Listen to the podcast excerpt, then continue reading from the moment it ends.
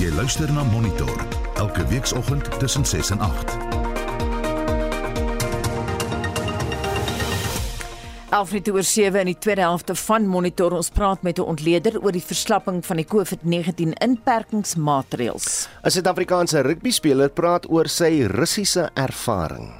Dit was 'n skerry tyd gewees vir 2 en 'n half weke wat ons basically sonder huis gesit het en ons ook gevoel het dat ons liewer net gaan ons ons release vra by die klub net om met rus uit te kan kom. Maar dit was nie so maklik nie omdat daar obviously vlugte beskikbaar was vir ons om in die land te kom nie. En die 10de Silverskermfees begin vandag. Goeiemôre, ek is Anita Visser en ek is Oudo Karelse.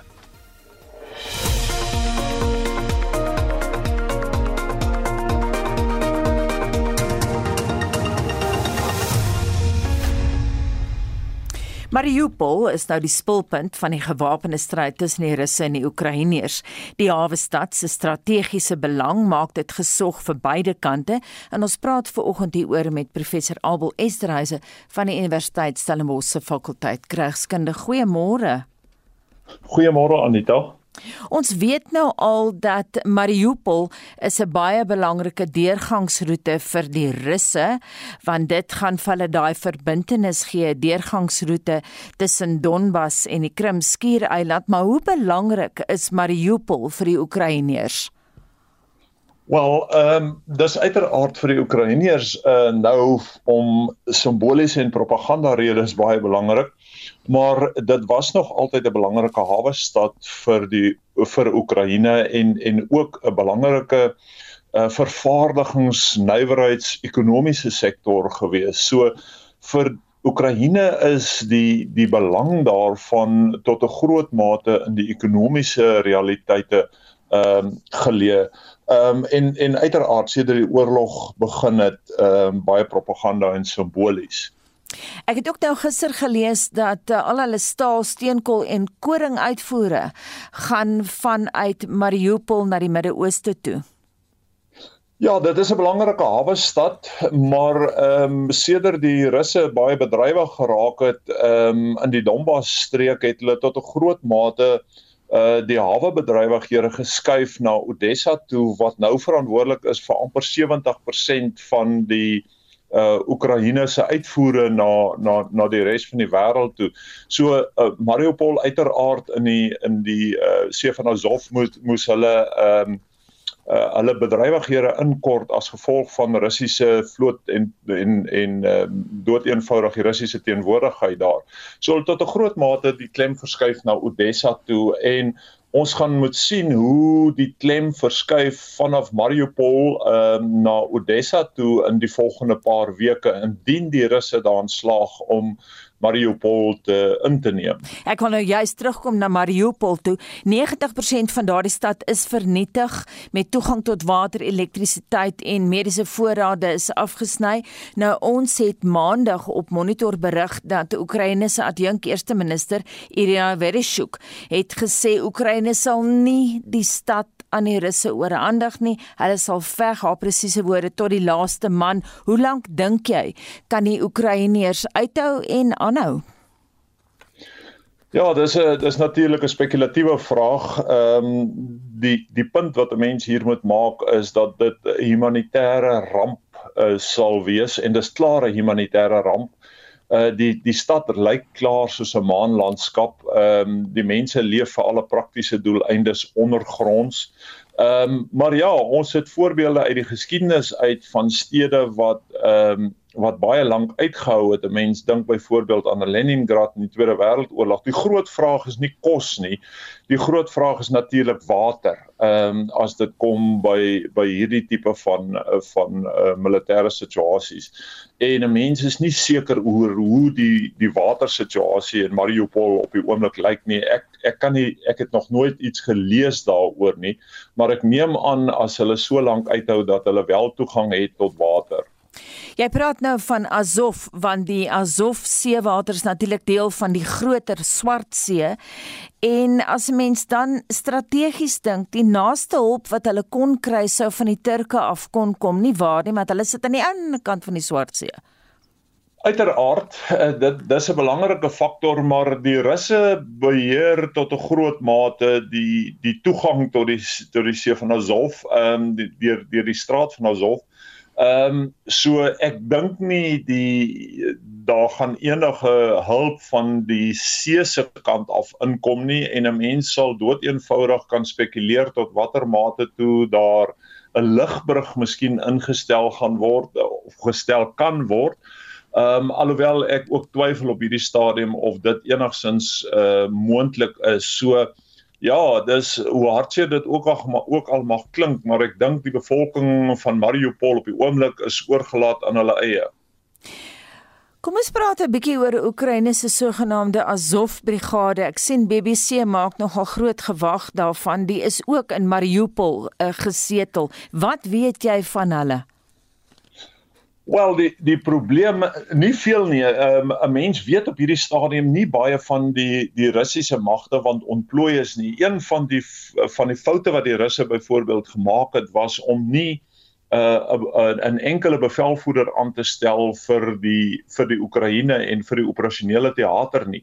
So die die Russe ehm um, het die het die operasie uitgerol op 'n baie gedesentraliseerde benadering en dit beteken dat die verskillende teaters en die verskillende bevelvoerders kompeteer verskriklik vir logistiek en hulle beklei verskriklik om logistiek uh, te bekom wat ook beteken dat daar nie baie duidelike hoofpoging is in die Russiese poging nie.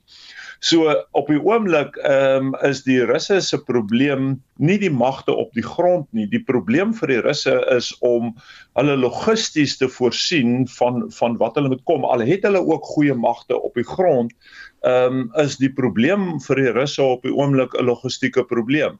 En uh, ons het gesien dat die Russiese veldtog het basies nou tot 'n tot 'n tot 'n stilstand gemars as ek dit so kan sê as gevolg van logistieke probleme in die noorde sowel as in die suide. So wat ons nou sien sien ontvou het is weliswaar 'n tweede fase in hierdie veldtog deur die Russe.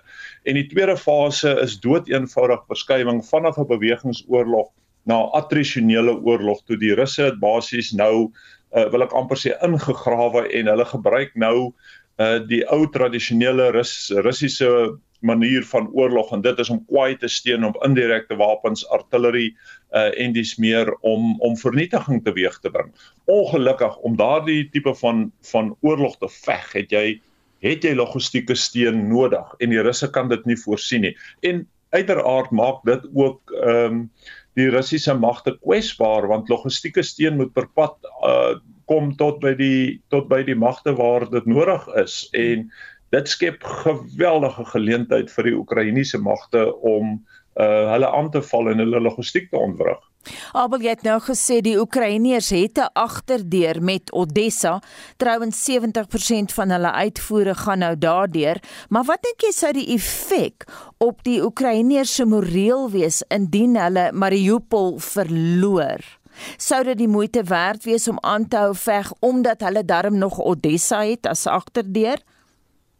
Ek dink die die belang van Mariupol op die oomblik is dat dit dood eenvoudig 'n uh, 'n uh, 'n groot Russiese mag besig hou en dat dit tot 'n groot mate uh die hoofpoging van die Russiese magte in die Donbas Krimskiereiland uh omgewing is met ander woorde in die suide.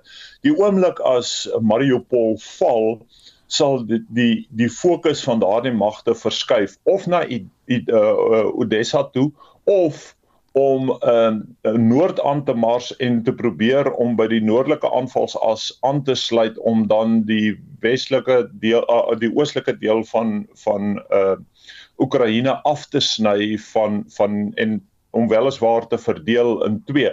So Mariupol se se belang op die oomblik dink ek is dat hy doeteenvoudig die die die Russiese magte vashou in die suide en hulle eintlik dwing tot 'n statiese uh oorlog. Ehm um, en en uiteraard om by Odessa uit te kom, ons het gister reeds gesien waar uh, dorpe in in uh, Oekraïne die Russiese magte stop deur van die brûe op te blaas. Ehm um, om by Odessa uit te kom, ehm um, dit gaan baie moeilik vir die Russe wees om Odessa te bereik operasioneel gesproke omdat die die Oekraïners beheer het van die bru oor baie van die riviere daar in die suide. So dit gaan 'n baie moeilike aanmars as weer wees vir die russe om Odessa. En dis ook hoekom hulle in die maritieme omgewing nog lê en en Odessa begin bombardeer het vanaf die see se kant. Hmm. Daar is sommige militêre ontleeders wat glo dat um, beheer oor Mariupol 6000 Russiese soldate sal voeg by Putin se magte. Is dit waar? Dit kan selfs meer wees dink ek. Ehm um, dit gaan nie net oor die die hoeveelheid magte nie, maar ons moet in gedagte hou dat daar geweldige tegnologie nou saamgesit, saamgetrek wil sit rondom Mariupol vir al hulle artillerie. Ehm um, en so die die die die die, die magte in sy geheel tegnologie gesproke, personeel gesproke, ehm um, is is groot uh, wat daar saamgetrek sit op die oomblik en en so om hulle om hulle dood eenvoudig daar vas te hou en en ingetrek te hou ehm um, voeg 'n geweldige waarde operasionele waarde tot die tot die tot die veldtog toe. Ehm um, en 'n mens kan dit nie onderskat nie. Ehm um, ons het gister gesien in die noorde by Kiev byvoorbeeld dat die dat die Oekraïense magte begin om die Russe ehm um, met teenaanvalle terug te dryf. Mm. So ek dink ons is in vir 'n baie interessante uh in 'n in 'n baie lang oorlog en ons het nou 'n attrisionele fase betree wat ongelukkig baie vernietigend gaan uitspeel. Maar die die attrisionele effek daarvan gaan nie net beperk bly tot die die teater in Oekraïne nie. Dit gaan ook uitspeel in die Kremlin en hier gaan dit definitief gaan oor uh, Putin se oorlewing en hoe langer die oorlog aanhou in die Oekraïne, hoe meer benard gaan sy posisie raak in Rusland en en as die leier van Rusland. Baie dankie en so voorspel professor Abel Esterhuise van die Universiteit Stellenbosch se fakulteit regskunde. Kom ons keer terug na een van ons ander hoofstories, eh, die verslapping van verskeie COVID-19 inperkingsmaatreëls. Ons praat nou met professor Dirk Coetzee van die departement politieke wetenskap by Unisa. Môre Dirk. Goeiemôre Oude. Uh, reisigers uh, wat Suid-Afrika nou gaan binnekom, uh, moet 'n uh, inenting of negatiewe PCR toets uh, wat nie ouer as 72 uur is voor jou aankoms uh, nou moet toon nie. Hoe groot 'n impak gaan dit wees op ons toerismebedryf? Wel, soos wat ek geluister het gisterand in reaksie deur die toerismebedryf, is hulle baie optimisties hieroor. Ehm um, dit plaas Suid-Afrika baie op dieselfde basis as baie ander lande in die wêreld. Ehm dit beteken dat daar nie meer noodwendig uh eh, toe soveel toetse hoef gedoen te word wat wat verpligtend is nie al is 'n persoon ingeënt gewees. Ehm um, en ek dink die fokus verskuif nou in 'n groot mate na inentings uh ook in Suid-Afrika en mense wat na Suid-Afrika toe kom. Die die hele aankondiging van gisterand was eintlik 'n groot oefening geweest om die inenting as die die hoof fokus te maak van alles. Maskers hoef nou ook nie meer buite gedra te word nie, maar wel in winkels, ander geboue, openbare vervoer ensovoorts. Ek praat nou net aan die totaal, maar ons landburgers ons is ons is al reeds lankal daar. Ja, ek dink in 'n groot mate is jy reg. Ehm um, ek dink dit is ook wat in baie ander lande die geval is in Suid-Afrika het in 'n groot mate weer eens opgevang met die praktyk pr pr pr wat nou in baie ander lande geld. Ehm uh, sommige plekke is dit natuurlik selfs binne huis nie meer te sprake nie, maar ek dink die die benadering van die Suid-Afrikaanse regering is nog meer versigtig. Dit geld byvoorbeeld vir begrafnisse is 'n belangrike faktor wat hier te sprake is. Ehm um, en um, maar hoe dit toegepas gaan word, dit sal ons moet sien. Dit lyk hmm. asof mense in die algemeen nou begin dit moeilik vind om om maskers nog te dra.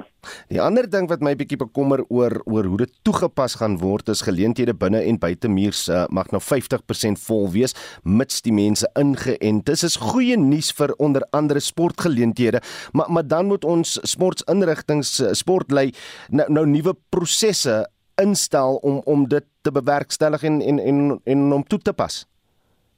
Ja, ek persoonlik het ook gedink dan ek vat byvoorbeeld 'n uh, rugby of sokkerwedstryde. Ehm um, dit gaan vir die mense by die hekke gaan dit ongelooflik moeilik wees om dit toe te pas.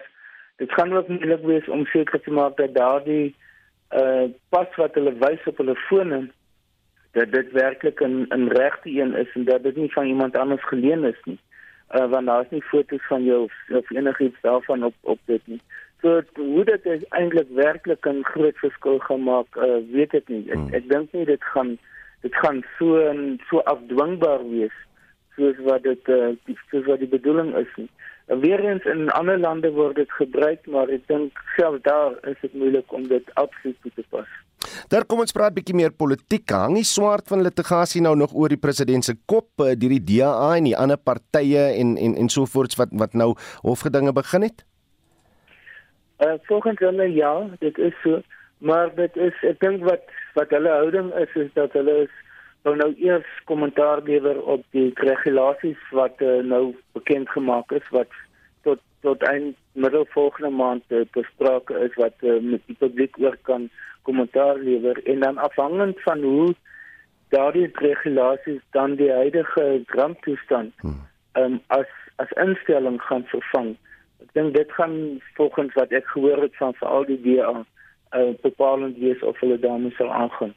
Ek het nou ook gesien uh, van die oppositiepartye kla ook oor uh, die nuwe gesondheidsdepartement regulasies uh, wat sal oorneem by die ramptoestand soos jy nou genoem het. Die, die groot klagte is dat dit die mag om besluite te neem nou net van een minister na die ander verskuif.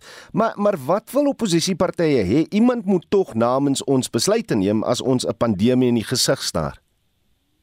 Ja, ek dink dit is die die kwespunt van die van hulle argument is is dat uh, ek moet gestel ons vir dat, kom ons vergeet vir die oomblik dat dit gaan oor COVID. Hmm. Gestel dis iemand wat op uh, ouer Tambo lughawe land en die persoon het Ebola. Wat moet dan gedoen word? Um, en ek dink wat hierdie regulasies nou probeer doen is is om te sê hierdie regulasies wat ons geleer het wat op 'n manier werk um, of dat dit toepasbaar is in 'n situasie soos 'n pandemie soos die COVID pandemie en dat ons moet nou uit wat ons geleer het voorsiening maak daarvoor as iets soortgelyks in die toekoms weer gaan uh, te, uh, te sprake kom. En ek dink nie ek dink waar die fout gemaak is is deur te sê dat dit die hele tyd toepasbaar is, dat dit die hele tyd gaan geld. Dis nie waar nie. Ehm um, dit gaan net geld as 'n nuwe pandemie amptelik aangekondig is uh, deur die regering en deur gewoonlik ook deur die wêreldgesondheidsorganisasie. Ehm um, of as daar 'n spesifieke uitbreek van van 'n siekte in Suid-Afrika is wat net in Suid-Afrika gaan wees. So dit is ehm um, ek dink wat dit waarop dit neerkom is om te sê ons het geleer hoe om iets om iets soortgelyks te hanteer Um, en dit was vir ons onsself moet regmaak. Hmm. Dit maak ook vir baie ander aspekte voorsien is 156 bladsye se regulasies wat oor baie ander gesondheidsaspekte soos byvoorbeeld um, omgewingsgesondheid ook ter sprake bring hier. So dit is dit is wydlopend, maar ek dink dit is iets wat wat nodig was dat hulle dit op datum moes bring. Professor Dirk Coetzee van die Departement Politieke Wetenskappe en NISA. Dankie vir jou tyd. Jy luister na Monitor elke weekoggend tussen 6 en 8. 731 in die hoofnuus gebeure. Sommige politieke partye is ontevrede oor die wysigings onder die ramptoestand. Back and closer word in 3 provinsies gemonitor. En goeie nuus vir sporttoeskouers.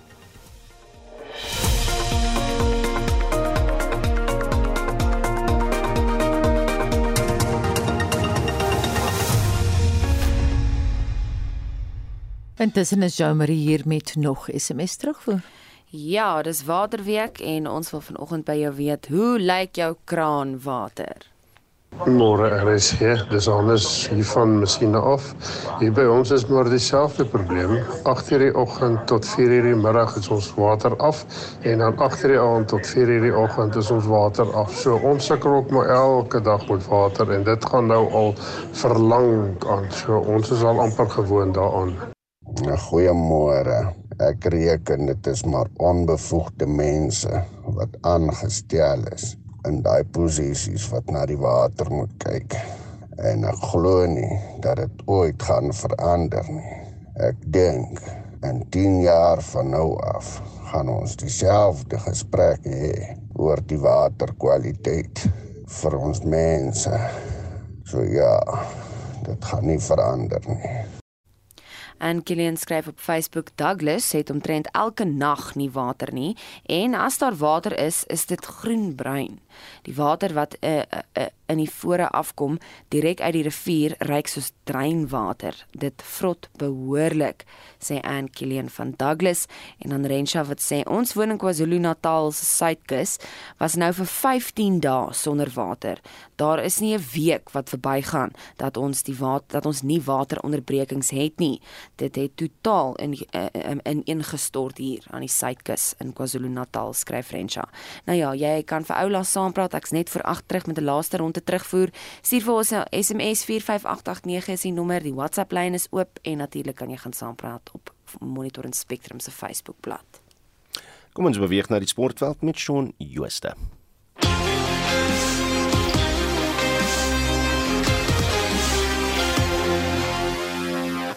Dan vanoggend se sport, goeie nuus vir Suid-Afrikaanse sportliefhebbers. Maar eerste, cricket, rugby, golf en tennisnuus. Die beslissende eendagwedstryd tussen die Proteas en Bangladesh begin vanmiddag 1uur op SuperSport Park in Centurion. Die Protea veelsidige speler, Wayne Parnell, se die kragmeting uit weens 'n duispierbesering. Pakistan het dag 2 van die derde en beslissende toets teen Australië op 90 vir 1 in hul eerste beurt geëindig nadat hulle die Aussies vir 391 ook in hulle eerste beurt uitgehaal het. Cameron Green het 79 van Australië se lopies aangeteken. Dag 3 is reeds aan die gang. En in die plaaslike Momentum eendagreeks pak die Dolphins en WP mekaar vanmiddag 1uur in Durban. Op die rugbyveld is daar ook 3 Curriebeeker wedstryde wat vandag gespeel word. Die WP draf vanmiddag 3uur in Kaapstad teen die Pumas, die Aja kwart voor 6 in Durban teen die Cheetahs en die Lions vanaand 8uur in Johannesburg teen die Bulle op die veld uit. Op die golfbaan slaan die Wêreld Golfkampioenskappe se bytjiespelkampioenskappe vanmiddag 20 oor 4 in Austin, Texas af. Die veld bestaan uit die wêreld se top 64 spelers wat in 16 groepe van 4 spelers elk verdeel is. Suid-Afrika se Louis Oosthuizen is in groep 10 saam met die Engelsman Paul Casey en Corey Connors van Kanada. Christian Besaidnout is ook in 'n moeilike groep waar die Engelsman Tyrell Hatton en die Amerikaner Daniel Berger insluit en Erik van Rooyen is in 'n groep saam met die Amerikaner Brooks Koepka en Shane Lowry van Noord-Ierland. Op die tennisbaan het die Miami Masters toernooi gisteraand begin. Die wêreldnommer 2 manspeler Daniel Medvedev van Rusland en die nommer 5 vroue speler Aryna Sabalenka van Belarus is die eerste gekeerde spelers vir die toernooi. Medvedev kan die nommer 1 posisie terugneem indien hy die halfeindronde haal en Sabalenka is op soek na haar eerste titel in 10 maande. Lloyd Harris en Ryan Klassen is die twee Suid-Afrikaners wat deelneem. Harris kom in die eerste ronde teen die Argentyn Facundo Bagnis te staan. Kevin Anderson het sy kwalifikasieringsronde teen die plaaslike Mitchell Kruger met 7-6 en 7-5 verloor. En laastens president Cyril Ramaphosa het gisteraand aangekondig dat stadions nou tot 50% van hul kapasiteit kan toelaat. Die reël is geldig vir alle sportsoorte en tree vandag in werking. Shaun Schuster, RSG Sport. 'n Suid-Afrikaner wat die afgelope 3 jaar in Moskou klub rugby gespeel het, is terug in Suid-Afrika en die rugby speler van die Wes-Kaap wat anoniem wil bly, het aanvanklik gesukkel om 'n vlug vanaf Rusland te kry. Hy het met ons oor sy ervaring gepraat. Kyk, my ervaring in Rusland is definitief iets heeltemal anders waarvoor jy jouself kan voorberei nie. Vir 3 jaar plus was ek daar gewees en dinge was reg geweest en net in 'n kwessie van twee maande dinge net verander. So die moeilikste ding is obviously die sanctions vir ons foreigners wat daai kinders vir alle Suid-Afrikaners wat daar werk. Ek dink dit affekteer ons die meeste omdat ons geen access het na ons geld nie. Ons kan net glad nie oor plaas of terugstuur Suid-Afrika toe nie. Wat dit baie moeilik maak want baie van ons het families en kinders waarna ons moet moet kyk. So dit maak dit baie moeilik. Die feit dat ons ook toe in Rusland was, toe Mastercard hulle ding gestop het, kon ons glad nie ons Suid-Afrikaanse kaarte gebruik om vir enigiets te betaal in Rusland nie. So uh, dit was dit was bietjie moeilik geweest. As gevolg van dit kon ons ook nie ons rent betaal het by ons flats waar ons gehuur het nie. So hulle het eventually ons uitgesit. Ek en 'n kollega van my het op straat gesit vir seker so so twee ure voor ons klub ons gehelp het om met die hotel te kry waar ons kon bly tot voor ons terugvlieg Suid-Afrika toe.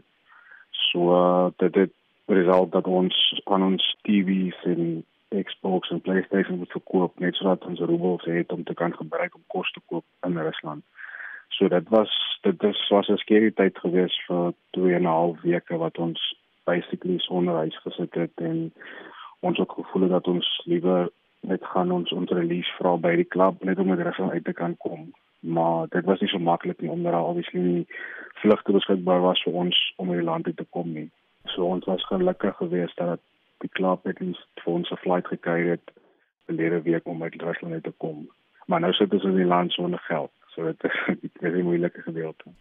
Wat het jy daardie ervaring geleer, jy weet as 'n buitelander in 'n land waar oorlog gevoer word?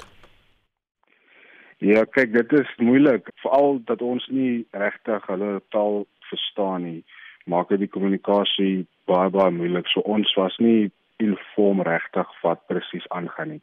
So jy kan nie regtig met iemand praat oor die situasie nie want die russe wil nie regtig wil praat nie omdat daar is die ding wat hulle jou jou phone calls, jou WhatsApps, jou boodskappe alles trek. So as enige iemand uitpraat oor wat regtig daar aangaan, kan dit terugkom na jou. So die ouens het regtig baie ons gedeel nie. So vir my as 'n foreigner was dit moeilik want ek was in 'n land waar ek nie regtig weet wat aangaan nie. Ek moes van die nuus kyk en ongelukkig moet ek ook sê dat dit wat gebroadcast word op nuus van van sien en al die channels mense wat in Oekraïne is is nie regtig alles wat gebeur in daardie land nie. Ek dink met die Facebook offline gegaan het, Rusland en en in Oekraïne het ook 'n ander version of Facebook wat hulle gebruik en daar was baie explicit video's gewees en en goed wat hulle gepost het wat regtig aangaan en dit word nie uitgestuur na die res van die wêreld nie. So ek dink vir ons wat in die land was wat actually access gehad het na daardie media plat platforms toe kon ons actually sien wat aangaan maar regtig weet ook nie wat presies aangaan nie ja dit was maar 'n moeilike gedeelte vir ons Nou ons wil net vir ons luisteraar herinner dat jy anoniem wil bly vir jou eie veiligheid want jy het nog 'n sterk rugbyloopbaan in Rusland. Verduidelik 'n bietjie vir ons luisteraars, miskien in konteks in. Wat is presies daar aan die gang volgens jou oogpunt? Ja, kyk vir my ek volg maar ek het die nuus gevolg terwyl ek daar was. So ons het net afgelei wat vir ons die nuus ons gegee was. So ek kan nie regtig sê wat presies te aangaan nie, maar ek weet dat volgens die media is die die president van Rusland obviously in die agterkant en sukkel met wat regtig met om die oorlog te wen wat hy actually begin het. So dit maak hom baie vulnerable en baie unpredictable en dit maak dinge baie baie gevaarlik vir die mense van Rusland en Oekraïne want obviously die die Russiese mense is um, sukkel na gevolg van die sanctions en ander onsekerheid. So niemand kan regtig praat oor die ding nie want as jy iets te sê het, sluit hulle toe.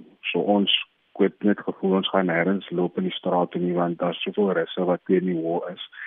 En as jy John gelukkige een is wat in haar kraat vasgevang word deur mense wat protes, sluit hulle vir jou toe en dit is nie 'n plek waar foreigner wil wees nie. Hoeveel vriende en spanmaats het jy miskien agtergelaat aangesien jy in die vlugte kon kry en jy weet jou geld is ook natuurlik um, gevries. Daar's baie ouens by ander klubs van Suid-Afrika wat nog steeds daar so is. Hulle het nie ehm um, gevoel dit is tyd vir hulle om terug te kom nie. Maar met die al die sanctions in Russia wat nou uit alle sportkompetisies in die wêreld is, het daar ook 'n nuwe law gekom met die Russian rugby dat daar net 3 foreigners per klub gekontrakteer kan wees en by amper elke nuwe klub in Rusland is daar um, 6 7 plus foreign rugby spelers. So dit maak dit moeilik vir van my pelle en, en en van die coaches ook wat daar so coach wat nie regtig weet hoe die toekoms lyk oor 2 maande nie wanneer daardie nuwe reël inskop. So uh, dan baie van Suid-Afrikaners gaan dalk sukkel om terug te kom as daar nie vlugte is nie. En die feit dat ons nie regtig access het na ons geld nie, kan nie ook nie eintlik die eie vlug boek nie. So uh, dit is die dit is die realiteit in daardie kant. Gepraat van die toekoms, wat nou van jou rugbyloopbaan aangesien jy terug in die land is? Ja, dit is definitief 'n moeilike moeilike storie want ek moet nou letterlik van van nul af begin om weer net myself te bewys dat ek dat ek kan vir groter unie of of weer seker kan gaan. Sal definitief nie terug Russia toe gaan nie want dit is net ja, ek wil dit weer al wees nie, maar gelukkig het ons agente wat ons betaal om vir ons werk te kry so so vir die beste dat hulle kan deurkom vir ons manne wat nou teruggekom het en ehm um, dat ons dalk weet na 'n ander land toe kan gaan Frankryk of as ons in Suid-Afrika moet speel, Currie Cup of is dit goed. So as agente op hierdie oomblik, hulle moet hulle werk nou doen om vir ons net 'n liste job te kry vir die toekoms ja. En so sê 'n Suid-Afrikaner wat in Rusland klub rugby gespeel het, hy wou anoniem bly en hy het met Vincent Mofokeng gepraat. Dis nou tyd vir 'n opsomming van wêreldnuus. Esther de Klerk staan gereed en 'n woordvoerder van die Kremlin, Esther, sê Rusland se president Vladimir Putin kan moontlik begin om kernwapens te gebruik as Rusland 'n sogenaamde uitermate bedreiging in die gesig staar. Dis reg Udo Dmitri Peskov van Putin se kantoor het die uitlating aan CNN in 'n onderhoud gemaak. Rusland het die wêreld se grootste voorraad kernwapens en die Pentagon het gereageer op die stelling en het gesê dit is baie roekeloos dat uh, Rusland so gesê het. Udo, Oekra Oekraïne se president Volodymyr Zelensky sê daar is niks oor van die hawe stad Mariupol nie. En Zelensky het gesê alles in die hawe stad is deur Russiese aanvalle verwoes. Hy sê daar is steeds meer as 100 000 mense wat in Mariupol vasgekeer is sonder kos, water of medisyne terwyl hulle die hele tyd aangeval word. Sowat 7000 mense kon gister uit die stad gered word en talle van die mense wat uit Mariupol vlug gaan eerste na Zaporizhia. Katja Nesterenko wat met haar hond Jessie gevlug het, was een van 'n groep van 25 mense wat saam in 'n ondergrondse banker geskuil het waar vlugtelinge tussen 2 en 75 jaar vasgekeer was. Katja vertel hier van haar ervaring. It was bombing every 10, uh, 5 minutes, and um, we hadn't any central heating, gas, electricity, food, water, nothing. I uh, passed through war in 2014.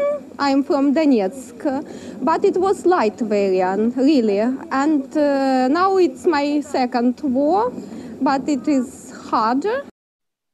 In Kiev woed boom, um, bomaanvalle steeds voort, maar daar word berig dat Russiese magte 'n tekort het aan kos en brandstof. Die klein boeregemeenskap in die suide van Oekraïne, Vosnesensk, het 'n storie van oorwinning. Die dorp is op 2 Maart deur Russiese soldate ingeval, maar hulle is totaal deur dorpenaars oorval. Mense in die dorpie probeer nou ook om uit Oekraïne te vlug en die 32-jarige burgemeester Yevgeny Velichko is realisties oor wat vir hulle voorlê. We know we can't win here without more anti-tank weapons, says Yevgeny Velichko. We're grateful for Western supplies, but we need more. We know the Russians will be back. President Zelensky sê Oekraïne het meer as 100 000 ton in humanitêre hulpmiddels ontvang oor die afgelope 2 weke. En dan is die FSA sal na verwagting nog sanksies teen Moskou aankondig wanneer die Amerikaanse president Joe Biden môre met leiers van NAVO en G7 lande vergader. Ja, en die vergadering sal in Brussel plaasvind en president Zelensky sal na verwagting die vergadering via Zoom toespreek en regeringsamptenare sê hy sal die geleentheid gebruik om te vra vir meer lugaanval ondersteuning. En in Moskou is uh, Rusland se mees prominente oppositieleier Alexei Navalny wat reeds tronkstraf uitdien, nog tronkstraf opgelê. Ja, Navalny is 'n Russiese oppositieleier, prokureur en anti-korrupsie-aktivis en een van die Kremlin se grootste kritici. En hy is gister vir nog 9 jaar tronk toegestuur op aanklagte van bedrog en minagting van die hof. Sy inhegtenisname en aanhouding verlede jaar in Moskou het landwyse protesoptogte uitgelok.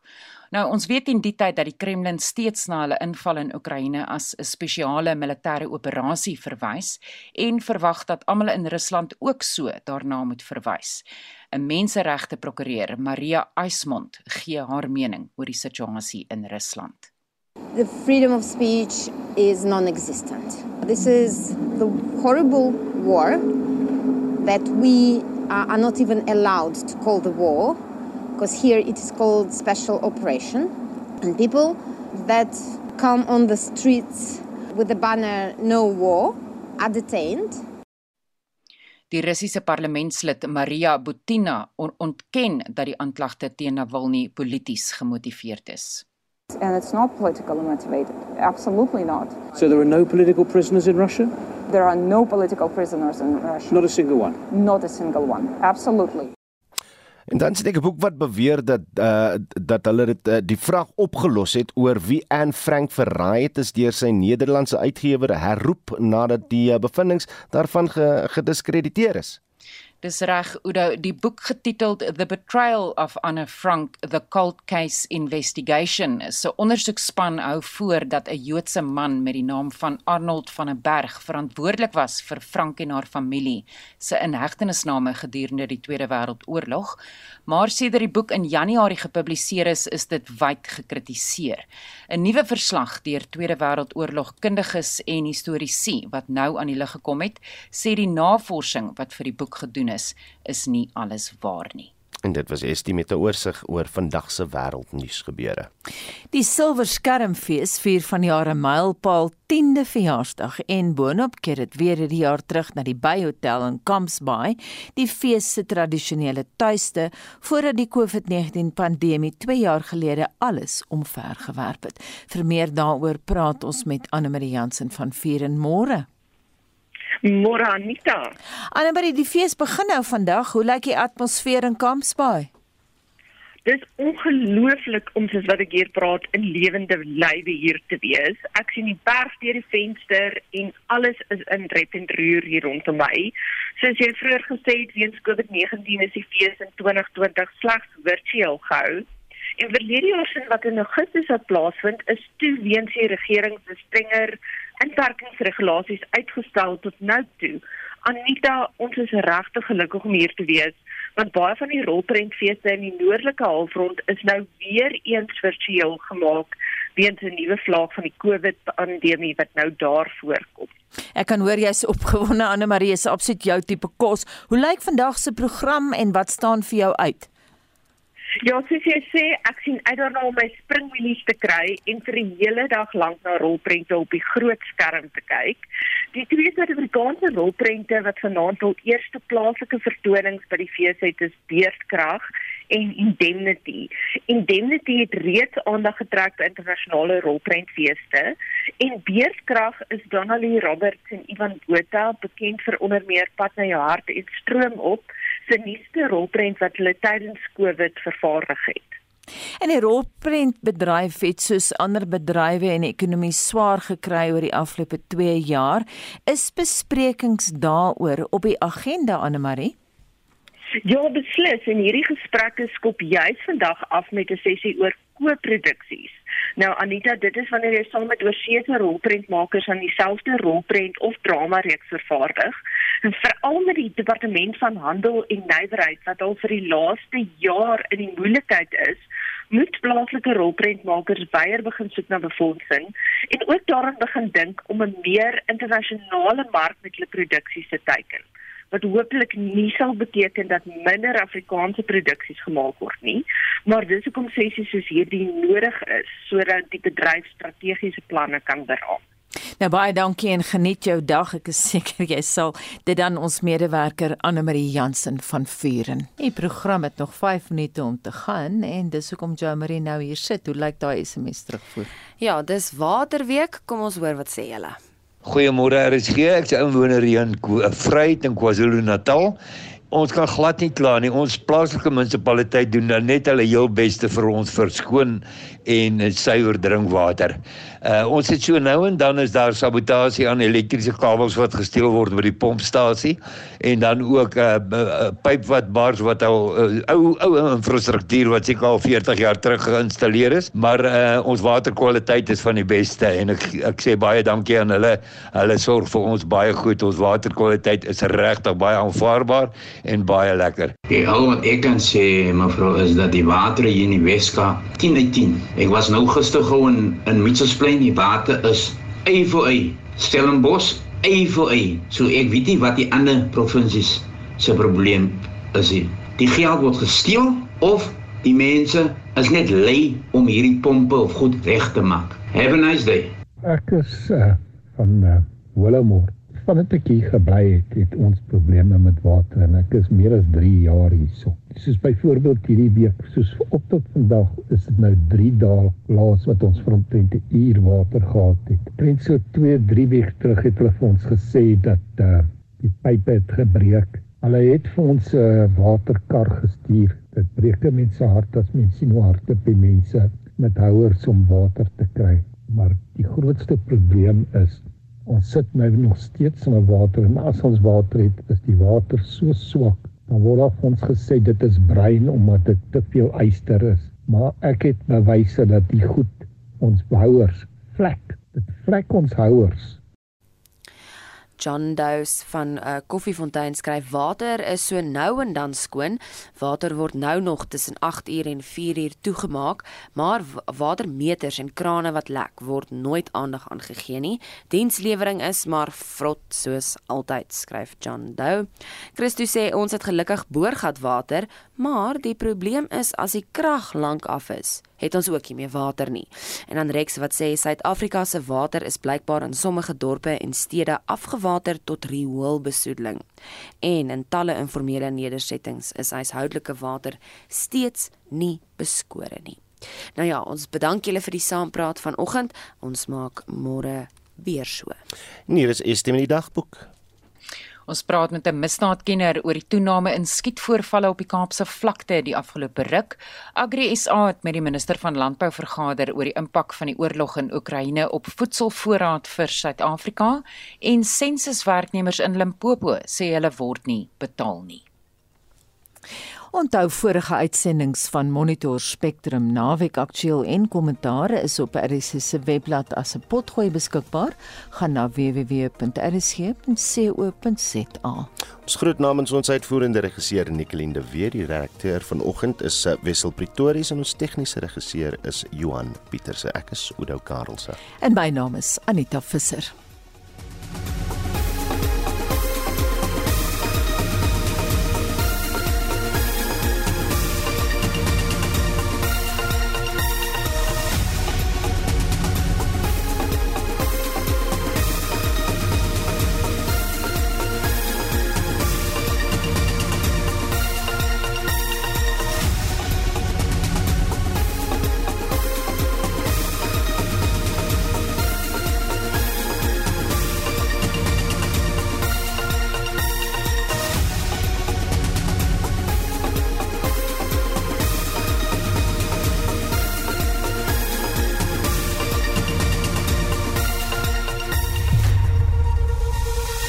SAK nuus.